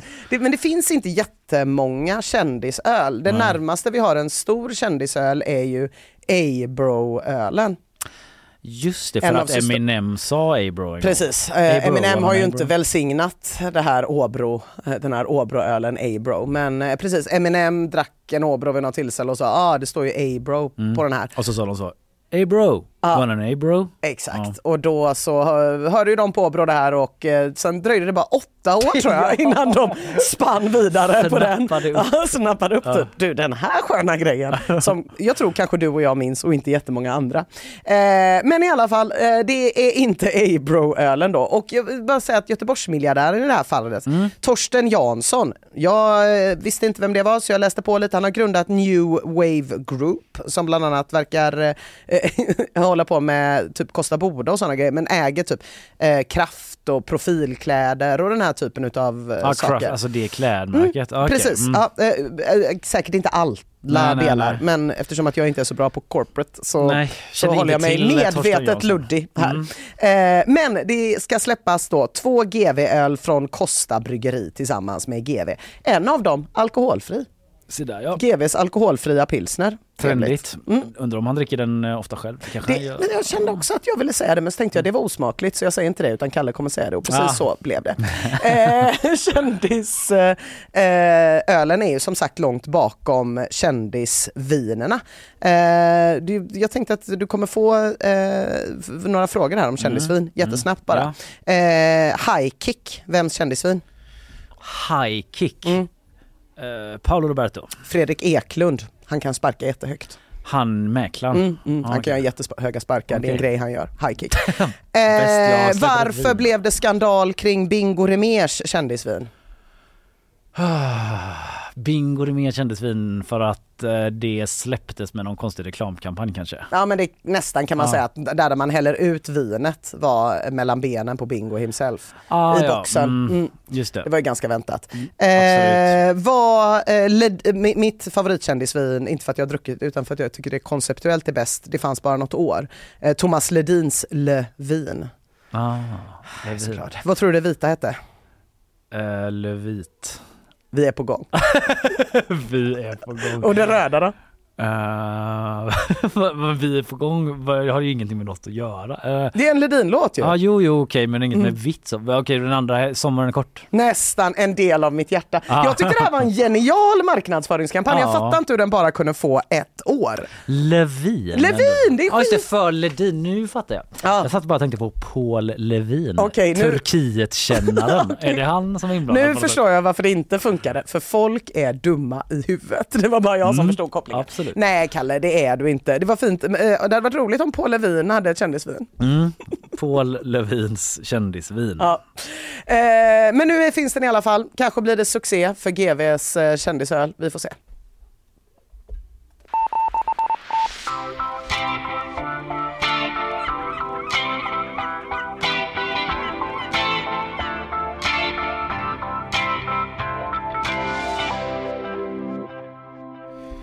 Storbritannien kan vi väl eh, åka till en stund Ja! va? Rishi Sunak heter ju deras eh, premiärminister där. Well educated, eh, kommer från finansvärlden ju, talar på ett väldigt sånt, eh, lite så boarding school sätt Mm. eh, skulle jag säga. Han var med hos eh, Piers Morgan då, den här programledaren som ju bokar in eh, rätt mycket kända namn nu det senaste.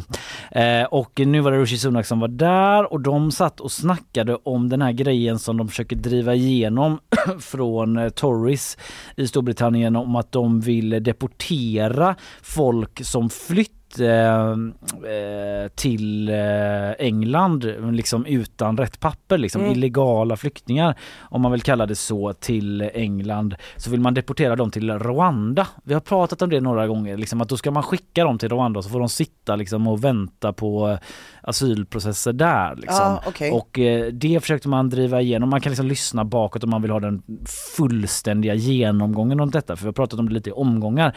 För det som hände var att Högsta domstolen sa så, nej det här kan ni inte göra. Och sen så har man jobbat med det och det har varit lite sånt EU-mankemang. Får man verkligen göra det och så vidare. Och nu liksom kämpar Rishi Sunak för att baxa det här igenom Mhm, mm. parlamentet då. Eh, och eh, liksom innan eh, det är val nästa gång Ja. sådär för att han ska få igenom den här framgången. Det. Så här, det här har vi lovat att det ska bli så här och vi ska strama till invandringen och då ska de till Rwanda och så är det med det och ingen ska, ingen ska säga till mig. Jag är Nej. Rishi Sunak och jag är premiärminister. Och då var han hos eh, Piers Morgan och de snackade om det här och eh, Piers Morgan eh, liksom trodde inte att han skulle lösa det och då lät det så här. I'll bet you a thousand pounds to a refugee charity you don't get anybody on those planes before the election. Will you take that bet? Well, I, well, I want to get the people on the planes, right? Of course I want to get the people on the plane. Thousand right? pounds. Right, I want to get the people on the plane. Så tar de i hand där. Ah, de gör det? Ja, och Men bettar a thousand pounds. ah, han bettar ändå. Hans... Okej. Mm. Alltså jag vet inte hur bindande det är som ett Nej, avtal. det kan typ. också kännas som att eh, det värsta om han inte lyckas infria någonting han Mm. har lovat som politiker kanske inte är att bli av med tusen pund. Men Nej. det kan finnas andra incitament. Okej, men det är klart, syns det ett handslag? Ja. Då syns det ett handslag. Då ska de ha tagit i hand och Mm. om han lyckas så, så kommer alltså Piers Morgan inte ge tusen pund till, till en välgörenhetsorganisation. Ett löfte Vilket han brukar göra honom. annars, så han kommer Ja. dra tillbaka dem. Ja. ett löfte från Piers Morgan. Men då eh, så kom det väldigt många reaktioner på det här för Mm. de tyckte att det var liksom lite eh, Ja men ett lite okänsligt sätt att prata om människor som flyr och vissa tog illa vid sig. Tänk, Och- jag tänkte nästan att du skulle säga det. Rishi Sunak eh, intervjuades sen i BBC då i radion om detta och vi kan lyssna på frågan från journalisten där och hur eh, Sunak svarar. You shook hands on a £1,000 bet with Piers Morgan over the Rwanda scheme. When people are struggling to pay their food and fuel bills in this country, a lot of our listeners are saying they found that pretty offensive. Well, if I'm being totally honest, I'm not a betting person, and I was taken totally by surprise in the middle of uh, that interview, and I just was underlying my absolute commitment to this policy and my desire to get it through Parliament. Tänka sig ändå. Ja, det, det där såg jag inte framför mig. Jag tänkte att det okänsliga skulle vara att man eh, liksom satsade pengar på hur man skulle lyckas frakta människor fram och Mm, tillbaka mm. som är på flykt. Inte att man bränner tusen pund på något kanske lite sådär bara lättvindigt sätt Nej. när folk har svårt att betala sina gasräkningar. Ja men precis, eh, det Tänka var kanske sig. lite oväntat. Sen är har de ju så här mega fattigdomsproblem i Storbritannien. Jo, att jo. folk typ så här späder ut sin baby formula, alltså som mjölkersättning. Det var något exempel de tog, jag har inte med hela klippet Nej. liksom så här. Så att det sticker i för, för ögonen när två så rika, Rika personer liksom, politiker slår vad. Ja. Och så. Ja det var i alla fall en kritik, typ så det är det ena då. Mm. Eh, sen det andra tyckte jag var lite intressant då att Rishi Sunak blev tagen på sängen Mm. eh, och liksom överraskad. Han vill gärna få igenom det här men det är liksom lite så svagt i karaktären att Ja. om någon bara håller fram En hand. Ja, "Eh, 100 spänn då, 100 spänn att man bara okej. Ja, Det är som det är när man gick inte en premiärminister man vill ha. Nej, Möta som- internationella ledare som bara så här, Putin slänger fram kardan och bara, men kom Mm. igen då. Ja, vad skulle jag göra? I was caught off guard. Ja, men liksom att han inte har den sinnesnärvaron och kanske säga typ så här. jag vill inte typ så här ta i hand och slå vad om 10 000 kronor som Nej. det ändå handlar om. Eh, men låt oss säga att jag gärna vill få igenom det typ. Eh, så det var lite speciellt Ja. eh, och eh, det återstår att se om eh, han eh, baxar igenom den här Rwanda-dealen då i, genom parlamentet om de får till det utan att man stöter på mer patrull från det egna rättsväsendet eller Ja. EU och sådär. Så eh, i potten då 1000 pund som kan gå till en välgörenhetsorganisation eh, om Piers Morgan förlorar eh, det här valet.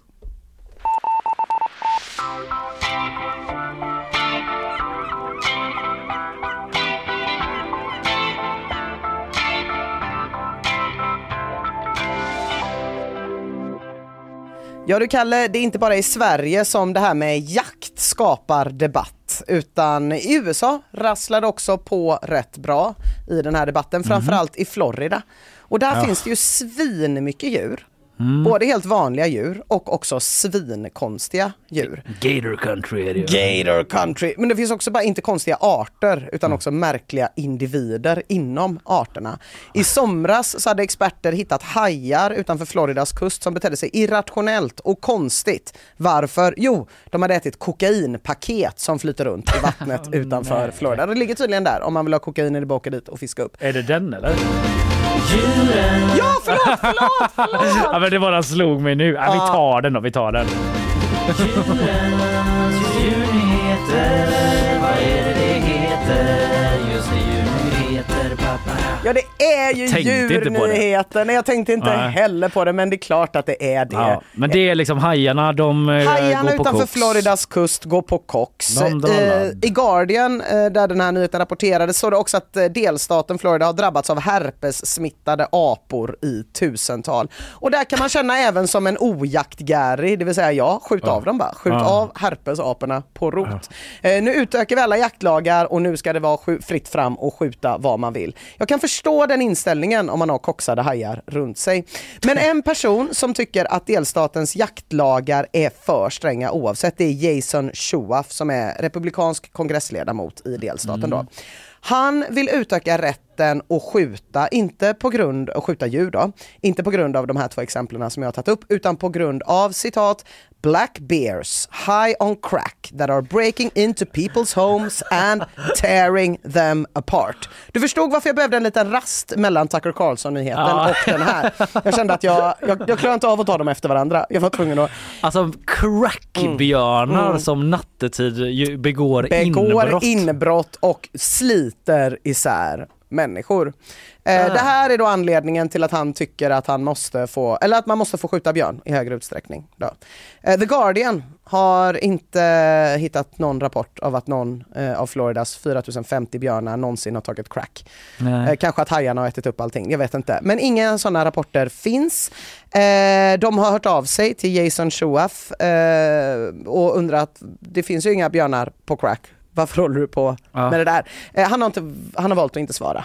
Men ska man få skjuta bara crackbjörnar då? Nej, det, eh, nej, för att man kan ju inte veta vilka som eh, går på crack. Han, han, han, det verkar som att det, det han vill är ju att liksom eh, man ska kunna, det ska inte vara straffbart att skjuta en björn även om du inte har liksom jaktlicens och rätt Nej, regler. Sådär. För den, Den could kan- be a crack addict. Ja precis. Kanske att det här citatet från honom eh, eh, belyser lite hur han ser på saker och ting. When you run into one of those crack bears you should be able to shoot it period. Ja. And you shouldn't have to pause or be afraid you're gonna get arrested or harassed or pay fines. That's just crazy. Harassed också. Okej. Harassed. Så att ser man en eh, crackbjörn då, som absolut inte finns, då måste man bara få skjuta den rakt av. Och frågan är då hur man känner igen en crackbjörn. Är det liksom att den typ försöker typ låna pengar av en? Anta det, den slickar sig mycket om munnen och ser lite vit ut runt läpparna. Jag vet faktiskt inte riktigt. Eh, och varför. Det, det är lite tråkigt att han inte vill svara på några frågor från media utan. Att han bara går ut med de här grejerna. Eh, och att det kan, säkert finns en och annan högaffel bakom honom som är Mm. sådär yeah! Fuck the crack bears. Crack the democratic psyop crack bears.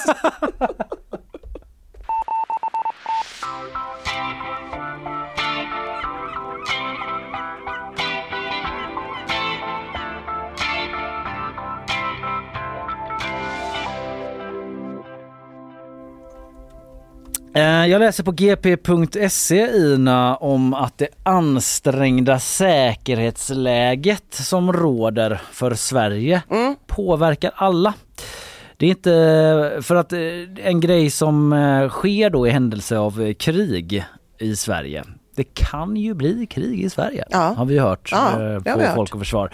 Eh, Det är ju att eh, folk som är typ statligt anställda och liknande och även andra kan bli så krigsplacerade. Ja. Att när det bryter ut, då är det bestämt. Då ska du dit och göra det. Precis, det vet man ju med kompisar som jobbar inom vården att de har allehanda regler och grejer beroende på när de eh, ska kallas in och så. Ja men precis och då kan de liksom hamna på Gotland eller liksom vid Mm. fronten eller någon annanstans. Och igår skrev Dagens Nyheter eh, först om att nu ska även anställda på Göteborgsoperan, Symfonikerna och Film i Väst eh, krigs, få besked om krigsplacering. Uppdraget i händelse av krig kan bli att bibehålla hopp och gemenskap eller ta hand om tvätten. Jaha. Står det i ingressen på artikeln. Eh, så eh, man har alltså i regionstyrelsen då klubbat ett förslag om att eh, de här personerna eh, som jobbar på Film i Väst och Göteborgsoperan och Symfonikerna ska omfattas av krigsplaceringen och eh, eh, ja men det betyder att de kan placeras ut på olika ställen då om det blir krig. Men det är liksom lite oklart typ exakt vad de ska göra. Lars Holmin från Moderaterna eh, säger till oss på GP, eller nej till DN säger han det, att eh, det kan handla om lokalerna eh, mycket, att man liksom Ja. tar dem i anspråk också eh, till till exempel syateljéer eller tvätterier. Mm. Att det kan bli behov av det då i händelse av krig och att man kanske då får använda Göteborgsoperan och Ah. sitta och typ slappa och laga där eventuellt då. Så det verkar liksom inte handla om att man ska sätta upp Wagner Nej, vid fronten. jag såg framför mig fältartister. Ja, Det är ändå ett hur? uppskattat inslag i alla krigsfilmer när det kommer en fältartist. Ja, Mm. när man har sett att de skickar ner typ Marilyn Monroe Exakt. till eh, Vietnam eller någonting Ja. kanske. Eller kanske inte ens hade börjat när, ja skitsamma men typ den typen av grejer. Ja. Eh, men jag har inte sett att man, det är det som kommer hända. Nej. Att man skickar någon från, eh, från symfonikerna första violin. Lasse Kronér och Doobidoo live. Nej precis, man ska inte spela Verdi eller Väntan på Godot så, Nej. i någon bunker. Nej. Eh, Men jag tyckte bara att eh, det var, eh, hade någonting då att Mm. eh, man ska skicka ut dem. Eh, Men Lars Holmin säger då liksom att att så här, vi hade fältmusiker i och för sig förr men tiden är ju en annan nu.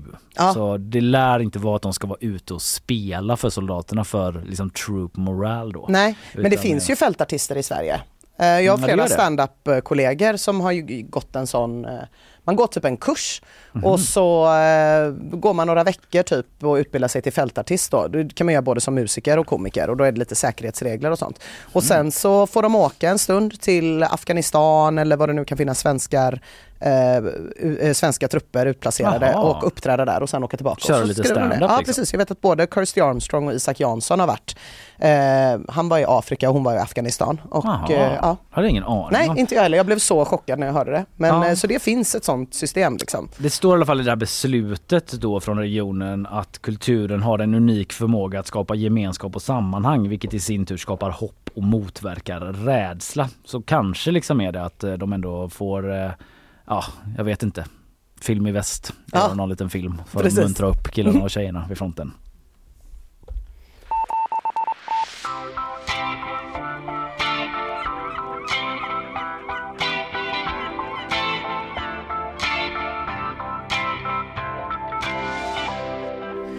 Miss Japan, hon har avgått. Hon har avgått? Ja, Carolina Kino.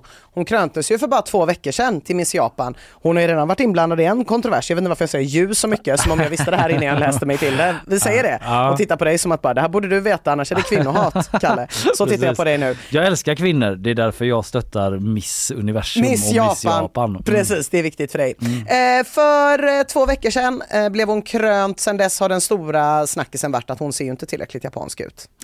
Se där ja. Mm, mm. Och det är ju sant. Hon föddes av ukrainska föräldrar, flyttade till Japan som treåring ser 0% japansk ut. Nej, Faktiskt. Så traditionellt japansk. Precis, Mm. precis. Men det har vi ju sett i andra Miss olika länder så det får man väl hacka i sig även som japan. Mm. Men sen kom det fram att hon hade haft en affär med en gift man. Det får man inte då. Det får man nog. Jag kan säga så här, hon nekade och sen erkände hon och sen lämnade hon tillbaka titeln. Jag skulle säga så här, jag tror inte det finns en rättsperson vid liv som skulle kunna reda ut hur det här fungerar. För att folk känner kanske inte till det, men hela den här Miss World, Miss Universe, Fröken Sverige, Ja. Miss Sweden, det är liksom ett gytter av olika intressenter som typ inte kan enas kring någonting. Eh, Fröken Sverige till exempel är bara Ja. så här, det, det, jag tror att den titeln inte får användas längre. Medan Miss Sweden köpte av han, köptes av han Panos Papadopoulos som har det här baddräktsföretaget. Ah. Panos Emporio. Panos Ljungskile. Precis, drev det i Ah. flera år och då, då fanns det liksom parallella Fröken Sverige. Ah. Eh, Eller det fanns inte Fröken Sverige, det fanns Miss Sweden och Miss Ja, någonting Sweden. Rättighets... eh, Det är ett rättighetstjabbel. Jag har inte lyckats hitta, alltså, och sen så tävlar man då antingen i Miss Universe eller Miss World. Eh, och sen finns det en typ Miss Asia också Mm. beroende på om man kommer etta, två eller trea i den nationella. Okej. I vilken av de nationella misstävlingarna det nu är. Alltså Mm. det, förr var ju detta väldigt så här stort och enkelt. Det, den vann och den vann och Mm. den vann. Men sen har man liksom hittat jättemånga. Det finns också Miss Earth för mer klimatmedvetna människor som gillar tjejer i baddräkt och så vidare och så vidare. Men det verkar som man måste leva upp till vissa standards då rent moraliskt. I Miss Earth ja. Ja, Mm. men även i Japan då? Även i eh, Japan. Jag tror att, eh, jag har inte lyckats ta reda på om det är olagligt. Jag tror, eller olagligt hade varit sjukt om Ja, det var. det kan det väl ändå jag har inte lyckats ta reda på om det är mot Miss Japans stadgar, för de kan ju ha andra stadgar. Jag Mm. tror inte det är mot Miss World eller Miss Universums stadgar. För båda de två har bara så här, du ska vara mellan 18 och 28. Mm. Miss Universe är lite så open-minded, typ. Du får ha fött barn. Ja. Det blev ju någon sån eh, grej här om eh, veckan att det var en kvinna som tävlade som precis hade fött barn och nu var jättesnygg och alla var typ så oh my god, tjejer kan verkligen.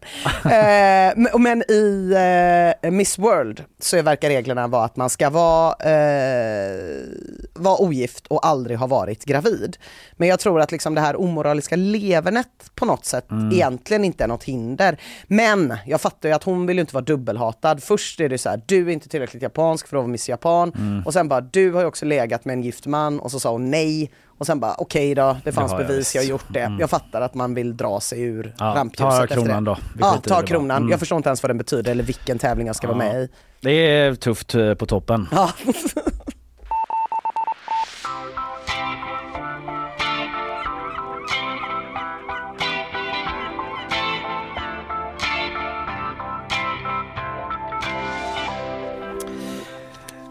Bara nämna det som jag har eh, teasat, är väl kanske inte rätt ord, men eh, jag har nämnt det lite grann här under morgonen, det här med att Joe Biden rörde till det lite grann eh, igår tror jag det var. Han eh, har ju fått en del kritik för att han börjar bli lite till åren va? Mm. Att det är lite rörigt ibland att han säger lite tokigheter. Och det här gjorde det inte bättre då, det som skedde under ett tal i Las Vegas i söndags var det visst, men nyheten kom igår. Då blandade han ihop eh, Emmanuel Macron, Frankrikes president, med François Mitterrand som alltså var president från 1981 Mm. till 95. Ja, ja. Tänker man spontant att det var kanske då liksom så här peak kl- klar hjärna Ja, för Joe Biden. ah. För typ så över 20 år sedan. Eh, Mitterrand dog 96. Mm. Eh, dessutom så sa han att Mitterrand då till råga på allt var tysk förbundskansler. Eh, så det blev ett dubbelfel där. Typ I spoke to liksom president Mitterrand of Germany. Jag orkar inte. Jag orkar inte. Det, det kan inte vara så här nu att typ den brittiska premiärministern tar i hand för att han känner att han måste det. Ja, för att och Piers ingår Morgan olika hetsar vad. honom. För att, han, för att Piers Morgan hetsar honom. Att den amerikanska presidenten bara går runt och hänvisar till olika extremt daterade referenser. Ja, eller hur. Eh, han rättade sig själv då dock under talet, eh, skriver Omni här, bara för att en kort stund senare placera den för... Ja, men han rättade det där med Mitterrand och sen råkade han säga det här om Tyskland. Nej men, Eh, och eh, det var när Biden skulle berätta en anekdot från ett G7-möte. men gör inte det. Nej. Håll dig till det du måste säga. Det känns som tal, eh, hans liksom folk i bakgrunden bara så här. eh, Det är typ så här, nu berättar han en anekdot, red alert, liksom sätt på alla Ja. larm vi Ja. har, krishantering inleds. Eh, och eh, sen så skickade de ut från Vita huset då liksom en utskrift av talet där Mitterrand hade strukits över och ersatts med Macron står det i Omnis artikel. Aha. Jag vet inte riktigt vad det... Nej, att de rättade det i efterhand liksom. Ja, just det, det var det det är, Ja, ja. tänker att de gjorde en live-transkribering och så var de typ så här. fast det här ser ju inte så nice ut. Nej.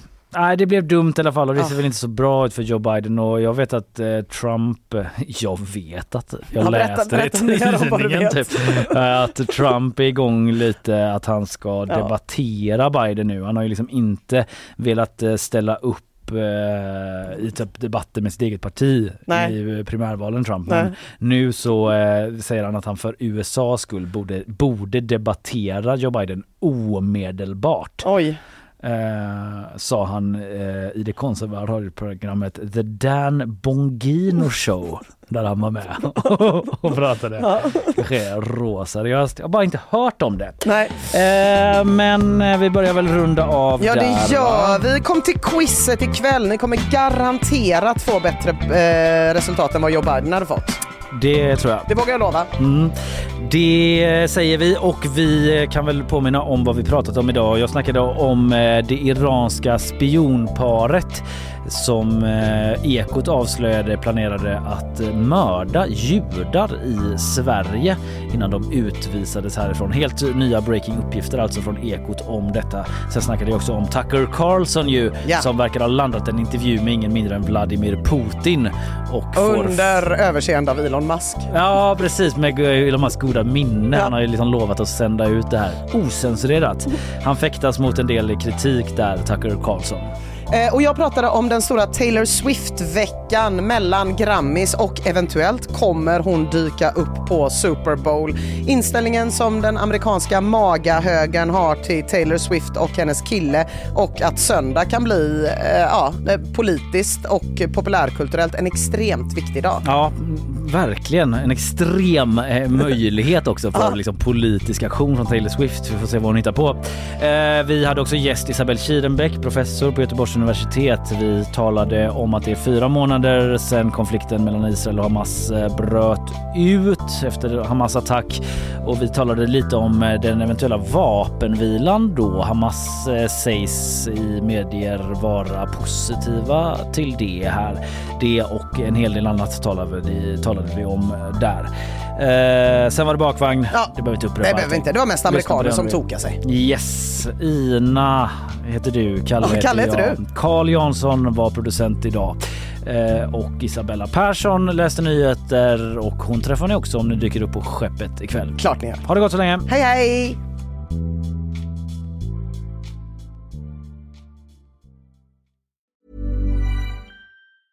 Planning for your next trip? Elevate your travel style with Quince. Quince has all the jet setting essentials you'll want for your next getaway, like European linen, premium luggage options, buttery soft Italian leather bags, and so much more. And is all priced at 50 to 80% less than similar brands. Plus, Quince only works with factories that use safe and ethical manufacturing practices. Pack your bags with high-quality essentials you'll be wearing for vacations to come with Quince. Go to quince.com slash pack for free shipping and 365-day returns. Imagine the softest sheets you've ever felt. Now imagine them getting even softer over time. That's what you'll feel with Bowl and Branch's organic cotton sheets. In a recent customer survey, 96% replied that Bowl and Branch sheets get softer with every wash. Start getting your best night's sleep in these sheets that get softer and softer for years to come. Try their sheets with a 30-night guarantee. Plus, get 15% off your first order at bowlandbranch.com. Code BUTTERY. Exclusions apply. See site for details.